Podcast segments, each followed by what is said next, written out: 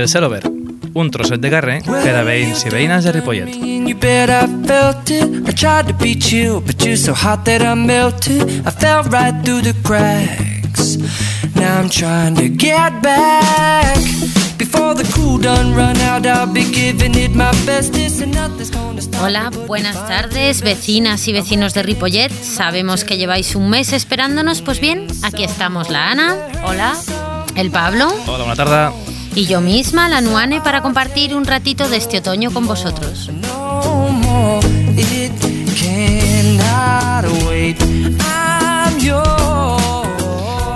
Pues efectivamente queremos daros la bienvenida a este segundo Selubert y nos hemos estado rascando la cabeza estos días de qué podíamos hablar y finalmente hemos decidido que va a ser la Semana Europea de la Prevención de Residuos.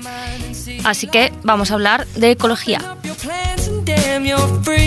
Aquest vespre um, contem amb molt bona companyia i indagarem sobre el tractament dels residus, reflexionarem sobre la importància del reciclatge i aprendrem a tenir cura del nostre riu i de la nostra ciutat.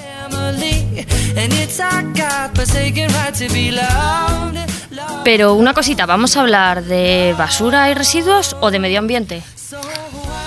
Pues en realidad vamos a hablar de las dos cosas, porque primero hablaremos un poquito de, de dónde va todo aquello que lanzamos a los diferentes contenedores y después también hablaremos de por qué es tan importante reciclar.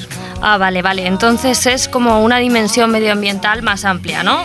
No Eso solo cuidarlo, sino no generar más de lo que ya hay. Eso es. Mhm, però parlarem de més coses, no? Pues sí, tenemos unas invitadas hoy muy especiales que nos van a contar cómo atiende Ripollet a los animales abandonados y cómo podemos mejorar su vida y la nuestra en la comunidad. O sigui que avui tenim prou contingut. Pues sí, si el mes pasado aprendimos a cómo vacunarnos de en contra de los rumores que estropean la convivencia, pues este mes vamos a aprender un poquito de cómo cuidar eh, mejor nuestro pueblo y nuestro mundo. Doncs anem a taula d'anuncis? Va, vamos. vamos.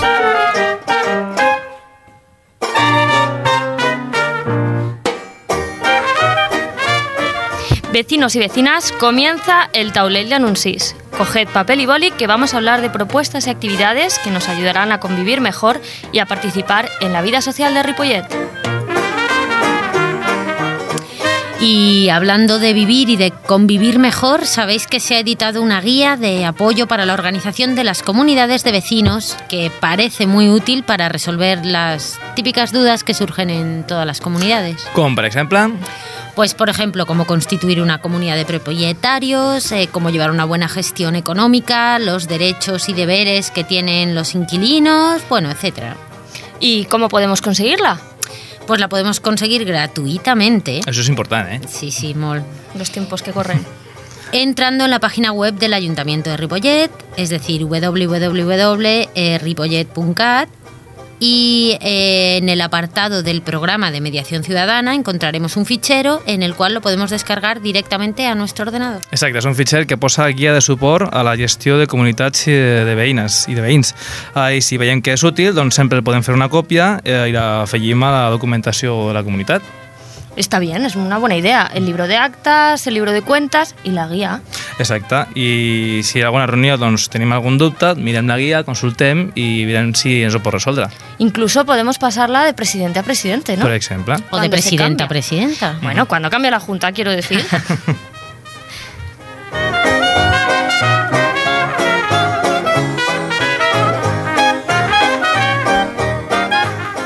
Muy bien, bueno, ¿y qué más? ¿Qué más cositas? Doncs, bueno, com tu ja anunciaves, aquesta, bueno, aquesta no, d'aquí a dues, a una setmana, sembla que és, és la tercera setmana europea de la prevenció dels residus i en aquesta tardor de 2011 la Casa Natura de Ripollet eh, doncs, té un programa que tracta temes de consum responsable i això de prevenció de residus. Un momentito, ¿eso de la Casa Natura? La Casa ¿Qué Natura, la Casa Natura és un equipament municipal que es dedica a l'educació ambiental. Uh -huh.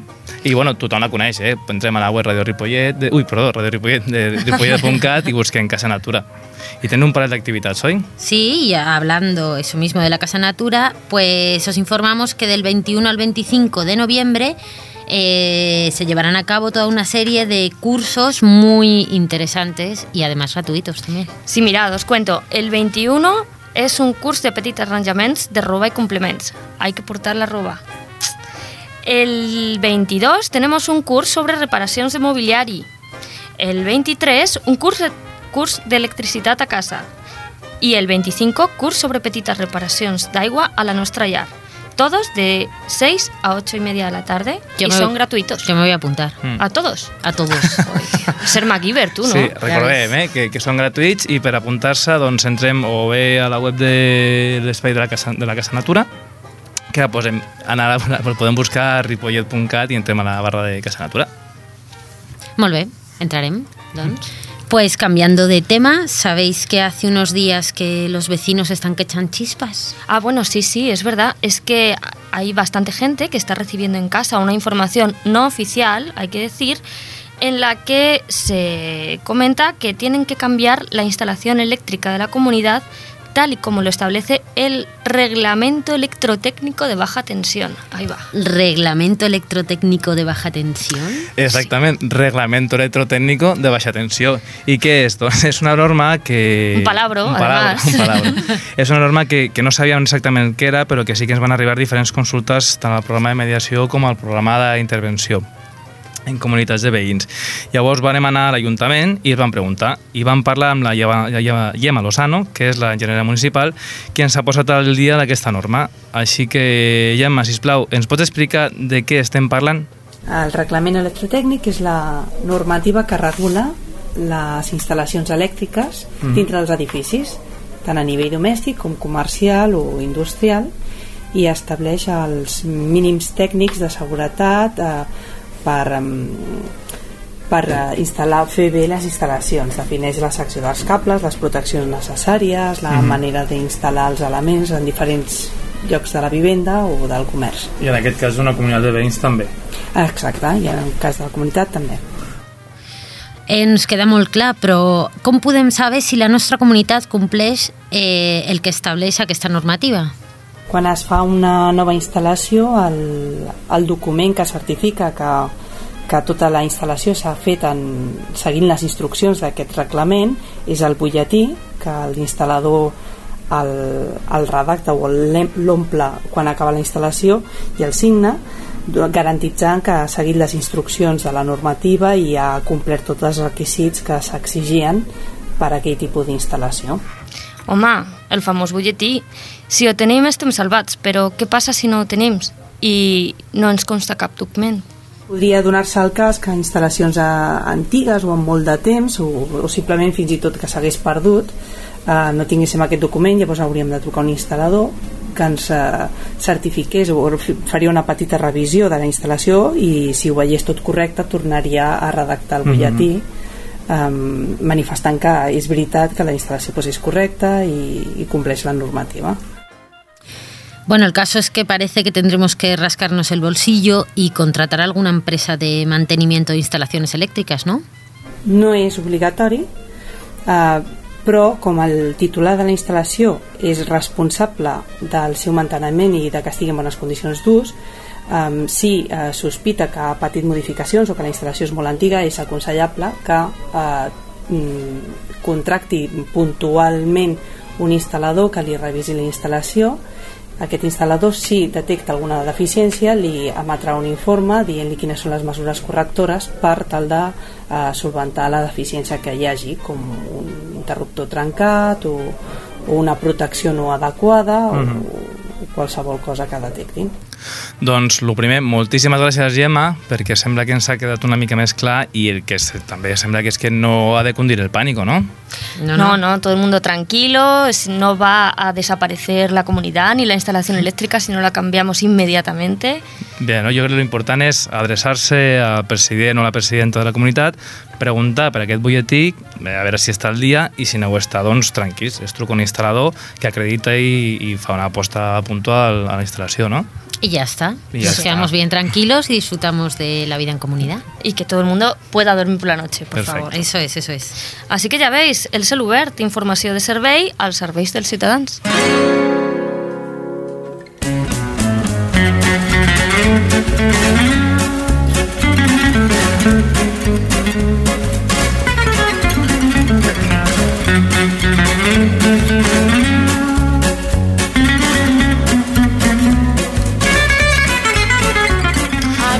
Comencem a la segona secció, el cel obert, en la porteria. Entre el 19 i el 27 de novembre es celebra la tercera Setmana Europea de la Prevenció de Residus, com van comentar, i durant aquesta setmana, arreu d'Europa, s'organitzen accions de sensibilització sobre la prevenció de residus. Nosaltres, que no tenim programa aquella setmana, hem de, de, de, decidit fer-ho ara. Que ya nos gustaría. Que nos gustaria. Pero no. Així que parlarem de residus, de la importància de la seva gestió, no únicament per un respecte al medi ambient, que també, sinó per una bona convivència de les nostres ciutats, perquè a ningú ens agrada tenir el soroll del camió de les escombraries a prop de casa, però necessitem un camió de les escombraries per tenir una bona ciutat. Pues sí, porque tener y mantener una ciudad sin basura en las calles, sin malos olores, sin ruidos, vaya, en otras palabras, tener y mantener una ciudad limpia, con zonas verdes, con un río vivo, con peces y aves, pues nos influye y mucho en que nos sintamos a gusto en el lugar en que vivimos. Claro, y a todo esto, ¿nosotros qué podemos hacer? ¿no? Siempre es como las cosas van mal, tal, no sé qué, todo fuera, pero ¿y yo qué puedo hacer? Pues vamos a hablar de cosas concretas que podemos hacer para que mejoren el medio ambiente, para que no se estropee más, para que podamos tener una convivencia medioambientalmente correcta. Puede podríamos ser. decir. Sí, puede ser. Sí. Otro palabra. Y para que, otro palabra, va de palabra soy, y para que nos podamos responsabilizar también, ¿no? No solo las instituciones, sino que la propia ciudadanía pues tiene algo que, ha- que hacer aquí, ¿no? No solo que venga un servicio de limpieza, sino que yo ensucie menos o, bueno, ahora veremos. Vinga, som-hi. Sing that song,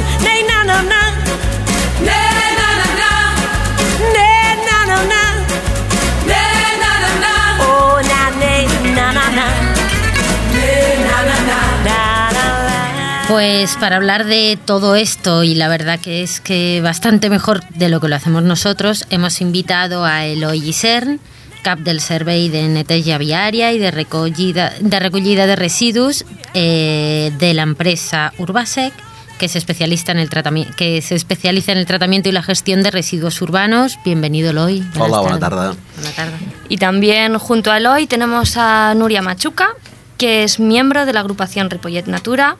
Hola Nuria. Hola, bona tarda. Y cabe decir que esta entidad está en marcha haciendo cosas desde el año 1994 y se dedica principalmente a la educación medioambiental aquí en Ripollet. Bona tarda a tots dos. Hola, què tal? Bueno, pues para empezar por, por, Por el el principio, eh, ¿nos podéis decir qué, qué entendemos por residuo? ¿Qué es un residuo en realidad? Doncs un residu és tot allò que, que, que algú es vol desprendre de casa seva. Qualsevol cosa que ja no ens serveix i diem ho llancem, allò és un residu. Ajá. És molt simple, però és així.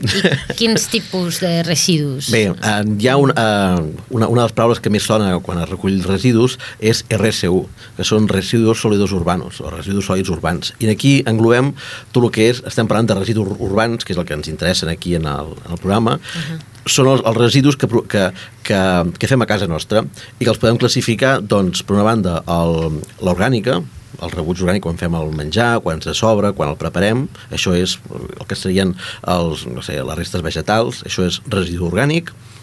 Després també tenim el que és la recollida eh, de, selectiva, que hi ha doncs, paper, hi ha plàstics, hi ha vidre, Després també hi ha un altre tipus de residu, que són els voluminosos, eh, que és doncs, els trastos vells, que els deixem... Els mobles, Els no? mobles, eh, matalassos, etc. I em sembla que no... Eh, sí, i després també hi ha el que no és cap cosa d'aquestes, eh? el que no és cap cosa d'aquestes, que és el rebuig. Eh? I que, bueno, doncs el que no podem classificar en cap lloc d'aquests contenidors que tenim posats pel carrer, doncs va a parar en el contenidor gris, que és el rebuig. I aquests serien els tipus de residus. Uh, això per un tècnic en la gestió de residus. Per una persona que es dedica a educació ambiental, què és un residu?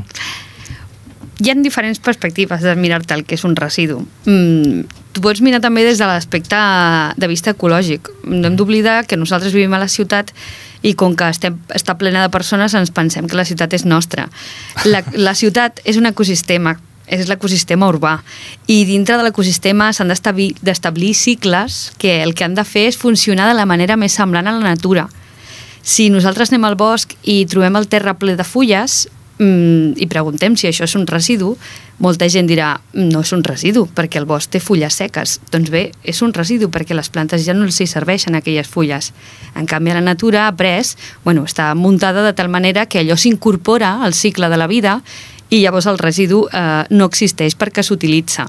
Llavors la ciutat el que hem d'aconseguir és intentar funcionar de la manera més similar a aquesta. Uh -huh. No hem de tenir una perspectiva tan humana tant pensar que som el centre de l'univers i que tot és nostre i ho fem servir el nostre desig i ho rebutgem quan no és el nostre desig, sinó que hem d'int- d'intentar que el cicle funcioni igual que funciona la natura. I un residu és allò que ja no té més vida, o sigui, quan jo eh, tinc un, un matalàs vell, un tros de paper, i ja l'he fet servir per les dues cares, i ja l'he reciclat, i ja ha passat eh, amb una indústria que recicla el paper, i ja no té més vida, llavors sí que es converteix en un residu. Però mentre tinguem l'oportunitat de continuar fent-lo servir, eh, hem d'intentar fer-ho, perquè estem imitant la natura al màxim possible. Claro, pero hay residuos entonces mm, que se pueden recuperar y reconvertir en otras cosas y otros que, que, bueno, pues que ahí quedan, ¿no? Mm, que no. És el que coneixem com a rebuig. El que ja no té més oportunitats és el rebuig. El que hem d'intentar és que el rebuig vagi al mínim possible.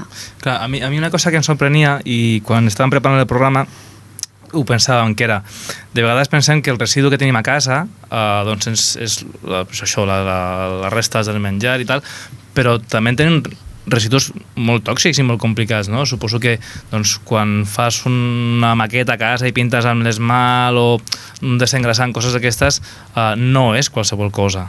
O los No, no. medicamentos, o la lejía. O... Efectivament, efectivament. Això, eh, gràcies a Déu, en aquest moment actual, doncs qualsevol cosa que, que produïm a casa nostra i que no ens en volem, que, que, o que ja no ho podem aprofitar, doncs hi ha algun lloc per, per, per dur-lo.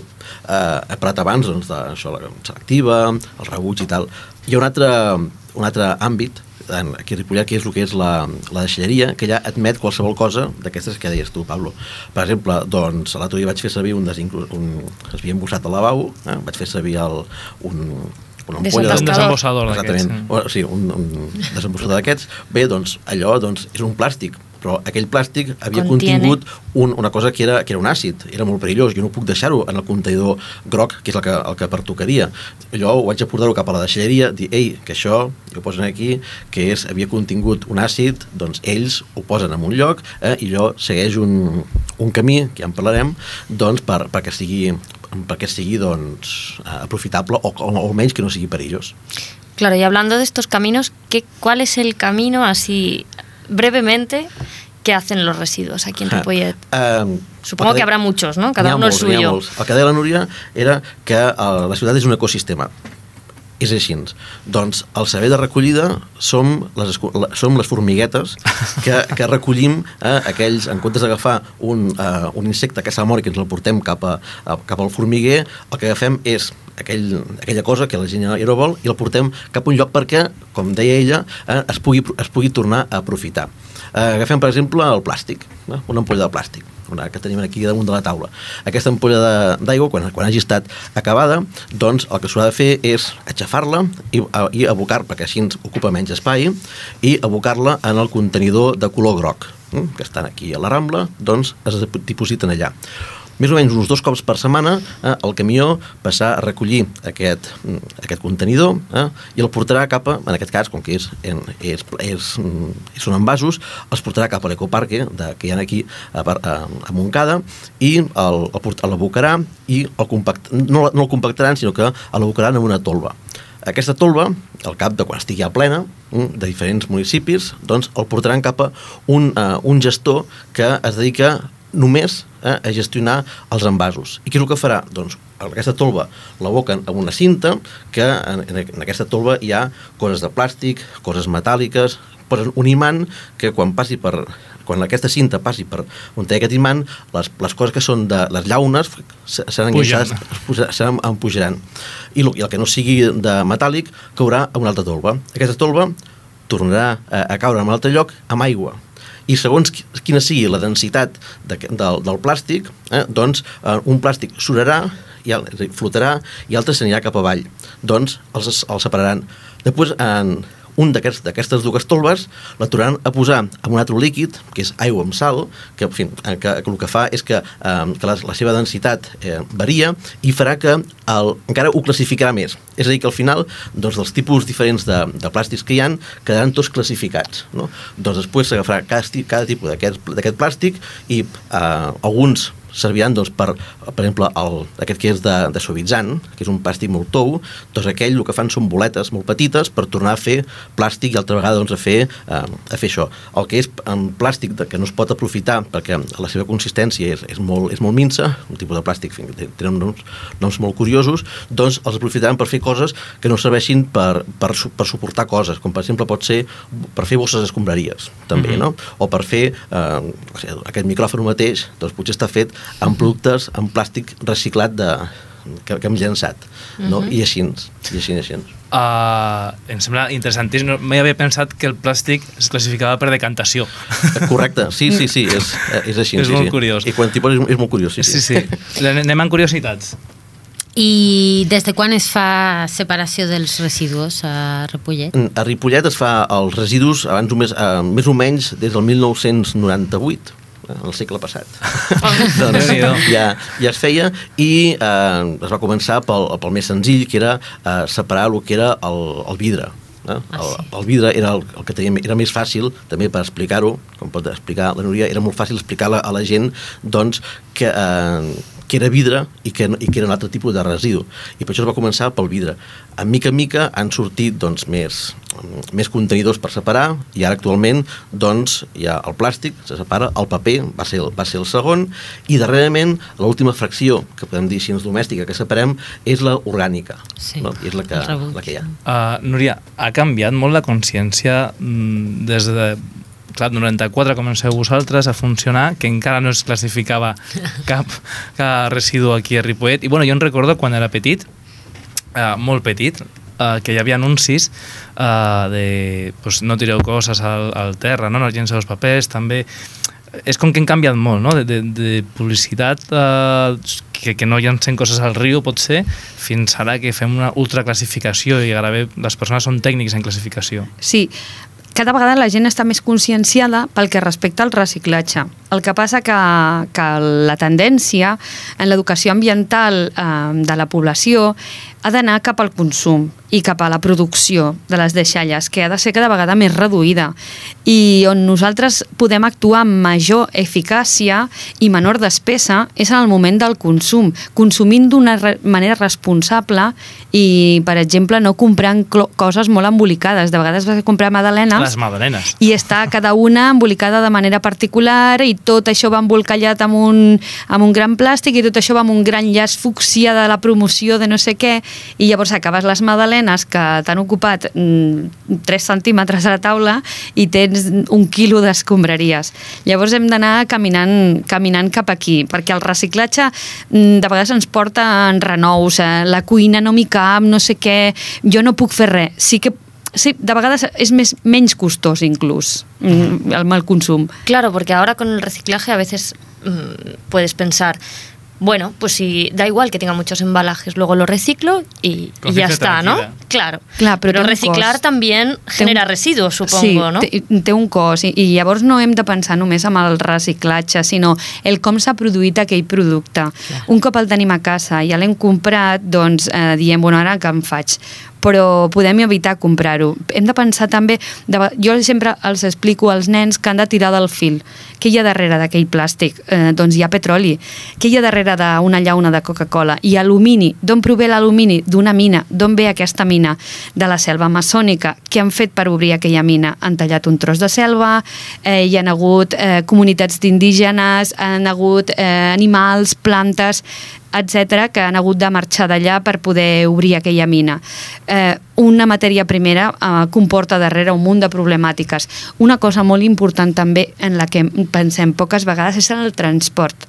Com es porta aquella matèria primera d'allà fins aquí? És una despesa brutal de, a nivell combustible, a nivell energètic, molt gran. Eh, L'energia també és un gran problema eh, per la producció d'aquell material eh, hi ha hagut indústries que, que, doncs, que han em- emès a l'atmosfera i això afecta el canvi climàtic, etc. Doncs mm, tot això també, també cal mirar-ho i també cal, cal pensar en això. Llavors, consumeixo de manera responsable i tot això eh, començo a regular-ho. Claro. O sea, los consejos serían, eh, vamos a consumir cosas que traigan pocos envases y vamos a intentar consumir eh, productos que se hayan producido eh, lo más cercano posible a donde vivimos. Per ¿no? exemple. Por ejemplo. Sí, sí, sí. O pensar, hi ha després embalatges eh, grans. Està molt bé comprar l'engròs.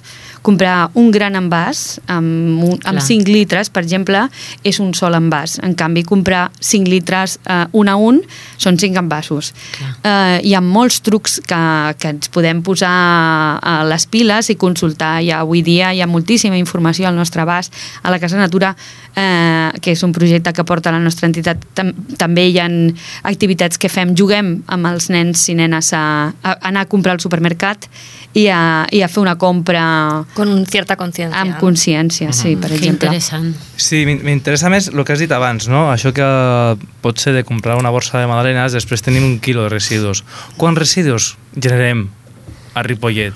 A Ripollet, eh, més o menys, eh, fem cada dia fem eh, uns, unes 34 tones aquí a Ripollet, el que significa... 34 un, tones? 34 tones. Si ho fem una miqueta més espectacular, 34.000 quilos al, al dia, Al dia. de, de residus. De residus O sea, d'aquests que he dit, um, de RSU. De, Uno por habitante. un, quilo, Per, per habitant. Sí, sí. I dia. I Clar, dia. I tenint en compte que hi ha nens que generen poquet, Sí, sí, al, Clar. sí, sí, al final, al, a l'any, eh, es fan uns 12 milions eh, de, de quilos. Eh? Solo a Ripollet. Sí, només, només a Ripollet, efectivament. Val. És una bestiesa. sí, sí, no, és una animalada. I anem a... a... Perdó, Núria, vols dir una cosa? Sí, el que també volia um, jo fer, Afegir. fer èmfasi és amb la continuïtat del problema, perquè és en un dia, però és que l'endemà hi tornem, i a l'endemà, i a l'endemà, i és infinit. Que no és- I no tot és- això és una gestió continuada. Dius, vale, 34.000 quilos, els gestiono i ja està, però és que l'endemà els tornes, a, 365 els tornes a tenir. Exactament. I no, no poden I fer un i reset. No, Un no control pot. Z d'aquest no es No es pot. pot, no es I pot. com, com, com el que deia Núria, aquesta gestió per una empresa, com, com es fa? Jo, jo penso, eh? Vull dir, uh, quants senyors estan rentant tots els dies aquí a Ripollet i es compren les carrers? Quants camions ho fan? Sí, mira, eh, més o menys el servei de, de neteja viària de recollida està tot, tot plegat. A l'any em belluga uns 2 milions...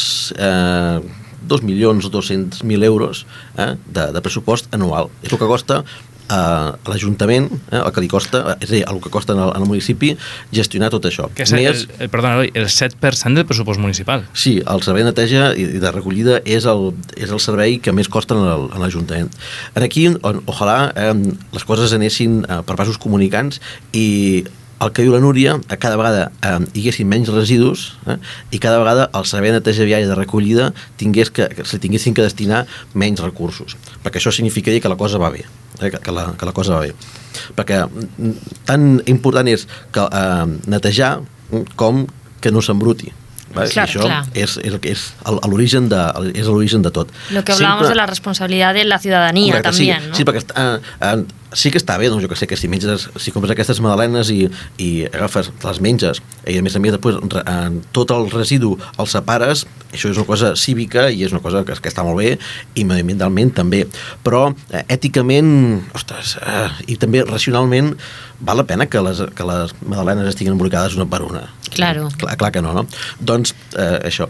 Eh, El que deies de, de les persones que hi treballen, doncs Les, més les, o menys... les formiguetes, que dius. Quantes formiguetes tenim aquí al doncs, a? Ripollet més o menys hi ha unes 30 persones eh, que es dediquen cada dia doncs, entre gestió d'això, entre eh, netejar, entre recollir, doncs eh, hi ha unes 30 persones.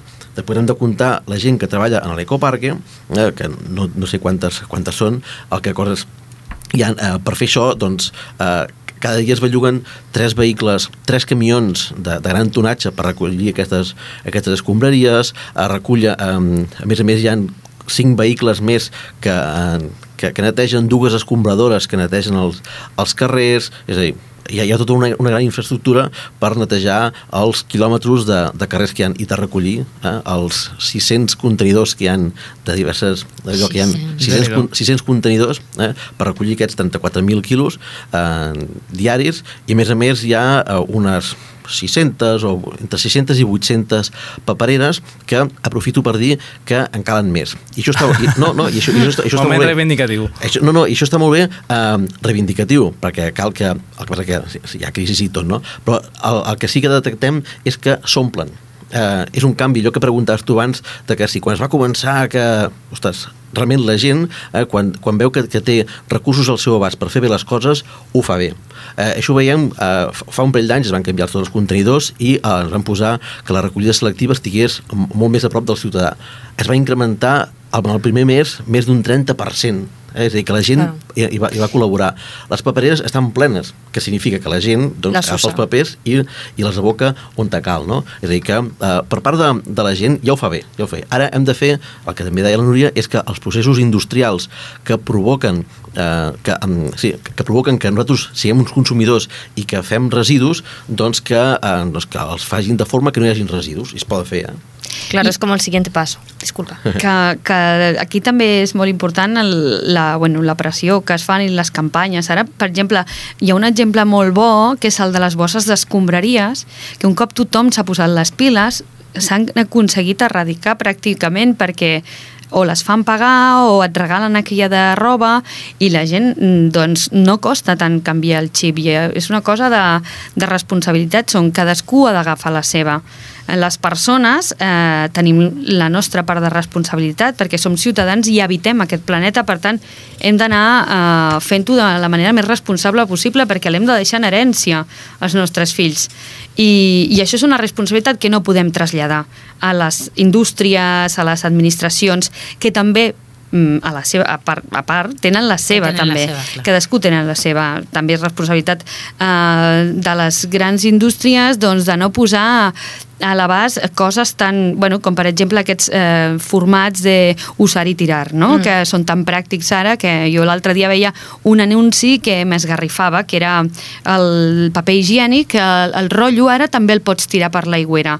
Estem lluitant perquè no es tirin coses per l'aigüera per evitar la contaminació de les aigües i, i per, eh, per evitar que, que les depuradores vagin sobrecarregades de feina per fer nets els nostres rius, perquè hi ha, a més, unes normatives que cada vegada són més estrictes i així, i llencen al mercat com la gran cosa aquest rotllo que es tira per l'aigüera, que a més, on el primer problema els, el pots tenir a casa teva perquè s'embussen les, Y que puede generar confusión también, ¿no? Porque Sí, este es lo tiro, claro. me acostumbro a tirar Claro. cosas y acabo tirando lo que no se Tot, puede, ¿no? Clar, Queríamos también hablar un poco de, de aquellas malas praxis que, o sea, hacer em, un reciclaje mal hecho, a veces, la mayoría de las veces sin saberlo, ¿no?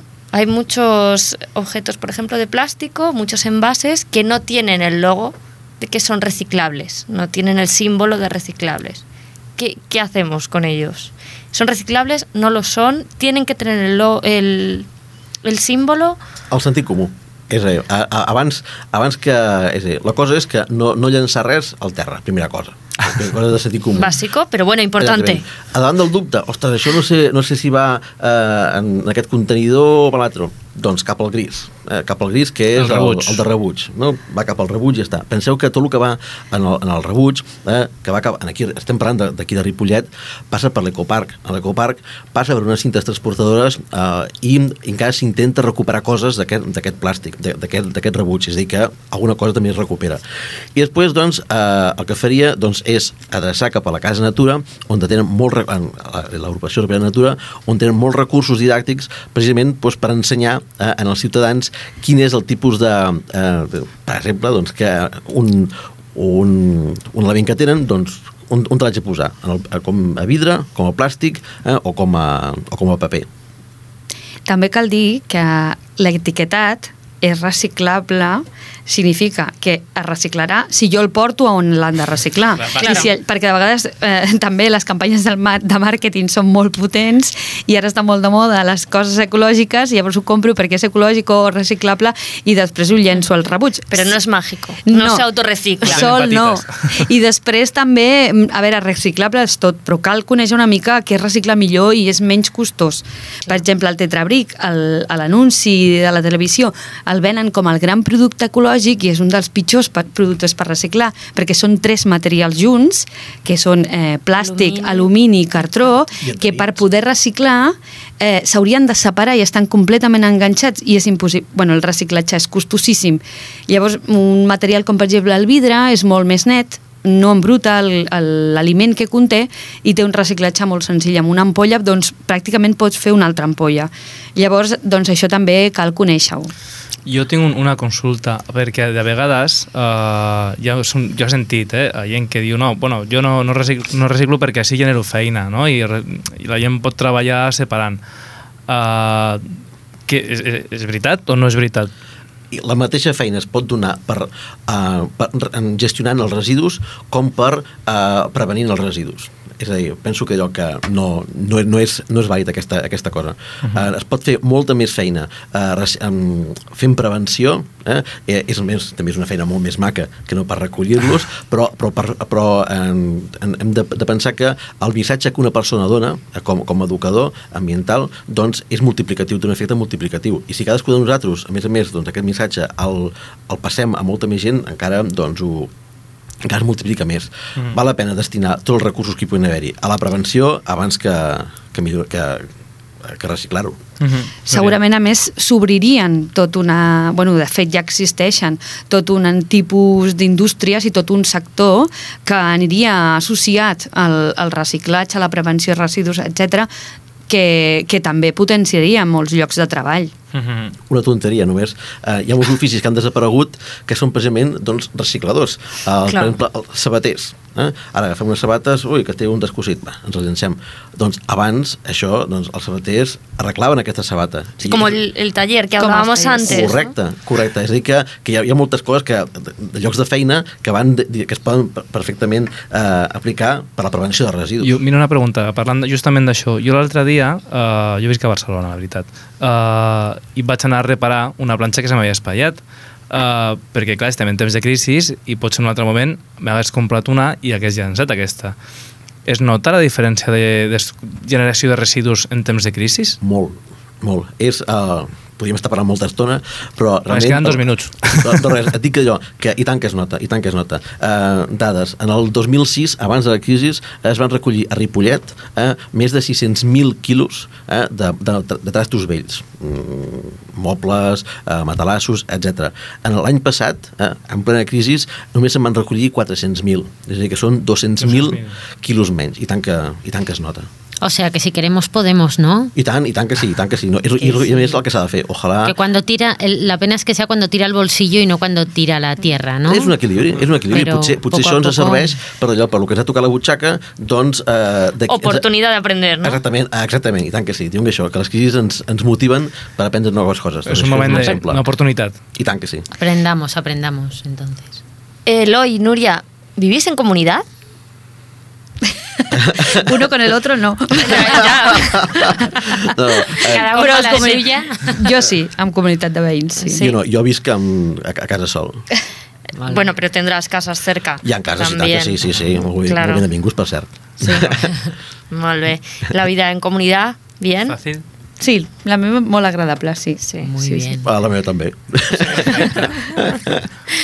Bueno, pues nada, muchísimas gracias. No sé si tenéis alguna otra cosa que así para terminar que queráis añadir, algún consejo de esto de es el Mm. momento. Por favor, Jo, que la gente... Més que un consell, una reflexió que és que de vegades parlem dels problemes del planeta i ens queden com de lluny i hem d'aprendre a establir la relació directa entre les nostres accions quotidianes, com comprar una bossa de magdalenes, que ja ens servirà per tot el programa, i, i aquell problema que estem veient a les notícies o que, estés, o que estem escoltant per la ràdio que m'esgarrifa, però que sembla com que amb mi no va. Doncs sí que va, amb nosaltres.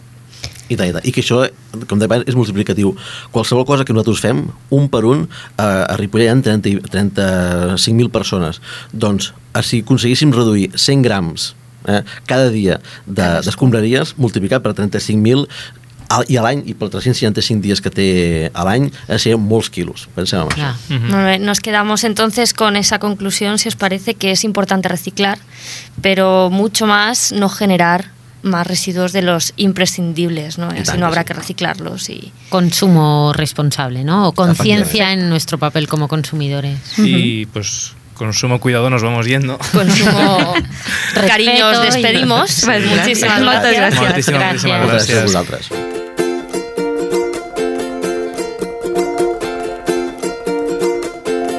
Seja feliz com seu país. Seja feliz. Qué buen consejo, ¿no? De Marisa Monte, sea feliz, sea feliz, sean felices. Sí, eh, buen rollito, ¿no? Pues sí, con este buen rollito y felicidad vital, nos vamos a nuestra plaza. Feliz. Y en esta plaza de hoy hemos invitado a, a dos mujeres muy especiales que vienen de parte de la Asociación Ripolletenca de Animales de Compañía, ARAC, ya que los animales pues forman parte de nuestra vida en las casas y en las comunidades y, y- y en nuestro pueblo. Así que, bueno, damos la bienvenida a Nuria Suárez y Elisenda Arroyo. Benven- benvingudes al Celuber. Hola, gràcies. Gràcies. Bona tarda. Y hola, buenas tardes. Y antes de entrar en materia, para que nos ubiquemos todos, ¿qué es ARAC? Contadnos. ARAC és una associació eh, sense ànim de lucre que vella pel benestar dels animals, bàsicament els gossos i els gats del nostre municipi. Muy bien. Y, y, claro, entonces vuestra tarea está directamente relacionada con, con todo lo que tiene que ver la vida en comunidad, ¿no? la vida del pueblo, la vida entre la gente, porque los animales están en la calle. Sí, de fet, nosaltres tenim dues vies de- d'actuació. Uh, per una banda, fem el control sanitari de natalitat del, de les colònies de, de gats que hi ha aquí a Ripollet i, per altra banda, també gestionem adopcions de gats abandonats, que n'hi ha molts. S'abandona moltíssim. Ya. O sea, que si alguien quiere adoptar un gatito precioso puede contactar con vosotras, ¿no? Sí, sí, sí, sí. Val, mira, una, una pregunta. Jo us explicava, a vegades a, a, al programa de mediació arriben casos en els que un veí es queixa de que bueno, els, el molesta doncs, o que els bordats del veí del, del gos del, del veí del costat o que se'ls fiquen els gats de la veïna per, bueno, pel pati, el que sigui. Vosaltres podeu fer alguna cosa en aquestes situacions? A veure, nosaltres eh, intentem, intentem eh, no mm, solucionar-ho, però sí posar les eines a l'abast de la gent per arribar a una solució. En el cas d'un gos que no para de cridar, pot ser que tingui ansietat per separació, perquè els propietaris passen tot el dia fora treballant, doncs bé, hi ha ensinistradors canins que poden solventar aquest problema. En el cas de gats, el gat de la veïna que està voltant per tot arreu, mm, potser se l'hauria de castrar aquest animal. La castració en els animals és superimportant perquè els hi modifica en certa manera la conducta, uh -huh. es fan més d'estar a casa, o inclús en comunitats on hi ha gats abandonats que han estat allà, doncs bueno, posem les eines, anem a agafar aquests gats, els hi farem analítiques, sanitàriament els hi farem un control i els esterilitzarem perquè aquesta població no creixi. No sempre podem solventar-ho, però almenys ho intentem. Y mm, en relación a, a las poblaciones de animales que crecen en la calle, ¿qué hacemos? ¿Les alimentamos? No, porque claro, A veure... siempre la dicotomía, ¿no? Sí, eh, a veure, és un tema una mica polèmic, francament. Jo crec que per sentit comú i perquè se suposa que som humans no hauríem de deixar de donar-los de menjar aquests pobres animals que no en tenen cap culpa d'estar vivint al carrer. Alguns han nascut al carrer, però d'altres s'han trobat de la nit al dia cau, aquí et quedes perquè els gats ja s'espavilen. Això és mentida. D'altra banda, sí que és cert que la normativa del nostre municipi prohibeix donar de, de menjar als animals del carrer. Mm, sí. Aquí per això ve una mica el conflicte, no? Era ja humanitàriament trobo que és, una mica, entre cometes, vergonyós. Per tant, nosaltres no és que animem a la gent a donar de menjar als gats del carrer, però si ho fan, si ho fan de molt bona fe, perquè la gent ho fa de bona fe, és que sobretot vigilin molt el que els hi donen, per mantenir la, sanitàriament, per dir d'alguna manera, mantenir aquell espai net, sobretot pinso sec i res de les raspes del gato o del pollo, que el gato se lo come todo. No, el gat també es pot posar malalt per menjar aquest tipus de I coses. més que res, que també el gat aprèn a menjar aquestes coses i després les busca, no? Que això és el Exacte. problema després a nivell Exacte. higiènic i sanitari de carrer. Correcte.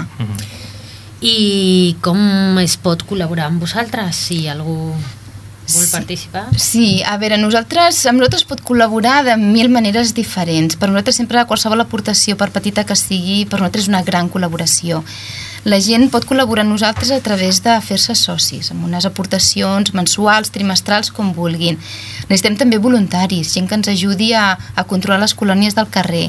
I necessitem doncs, qualsevol donació de menjar, de mantes, del que sigui, i cases d'acollida, importantíssim. Sense aquestes cases no podem recollir més animals del carrer. I que, en què consisteix eh, una casa d'acollida? Què fan? Una casa d'acollida es quedaria amb, amb l'animal que recollim del carrer temporalment fins que li trobem un adoptant definitiu. Uh -huh. Perfecte. Ah, doncs... crec que, crec que feia que, que aneu a fer una activitat eh, bastant interessant. Sí, correcte. El proper dia 20 de novembre a la plaça Pere IV farem el que anomenem els encants solidaris, muntarem parades de peces de segona mà, que a més crec que va molt, molt lligat al tema dels residus que parlàveu abans, de 10 a 2 del, del matí, plaça Pere IV, encants solidaris en benefici dels animals abandonats. Molt bé, doncs moltes Moltíssimes gràcies. gràcies. Ah, un moment, el contacte. Si Contacte. algú vol... Perdoneu, tenim una pàgina web que és www.arac-ripollet.com i allà ens trobareu de, de diferents Perfecte. formes. Perfecte, doncs ara sí, que anem una mica malament de temps avui. Moltes gràcies. Moltes gràcies. Gràcies a vosaltres. Mucha suerte en vuestra labor comunitaria, desde luego. Y Y, continuemos. hasta la próxima. Continuamos.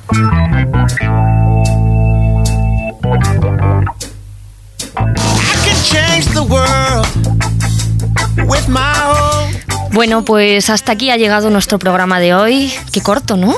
Sí, i que ràpid. Ya ves, 60 minutos igual, pero o 50, pero Eso es que lo hemos pasado bien. Pues nada, desde aquí queremos dar muchas gracias a todas las personas que han venido invitadas hoy, a Nuria Machuca de la agrupación Ripollet Natura, a Eloy Cern de Urbaser, Elisenda Arroyo y Nuria Suárez de la Asociación ARAC, que nos han dado grandes ideas que nos harán la vida mejor y nos ayudarán a conservar el planeta. Pues sí, hemos aprendido muchas cosas nuevas sobre medio ambiente, pero sobre todo, pues esperamos que hayáis pasado un buen rato. Os agradecemos mucho que hayáis estado allí y os recordamos que volveremos el tercer jueves de cada mes.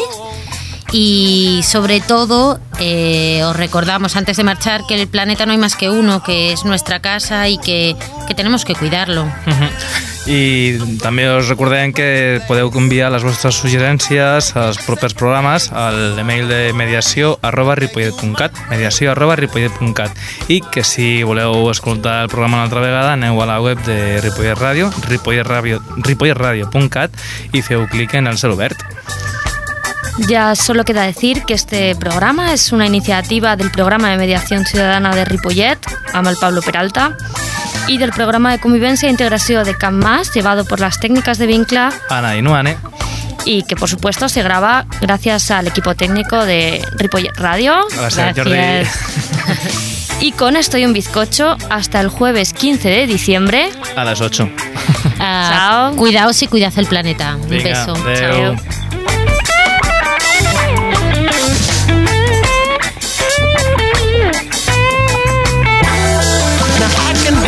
You in my own two hands, and I can comfort you with my own two hands. But you got to use use your own two hands. Use your own. Use your own two hands. Use your own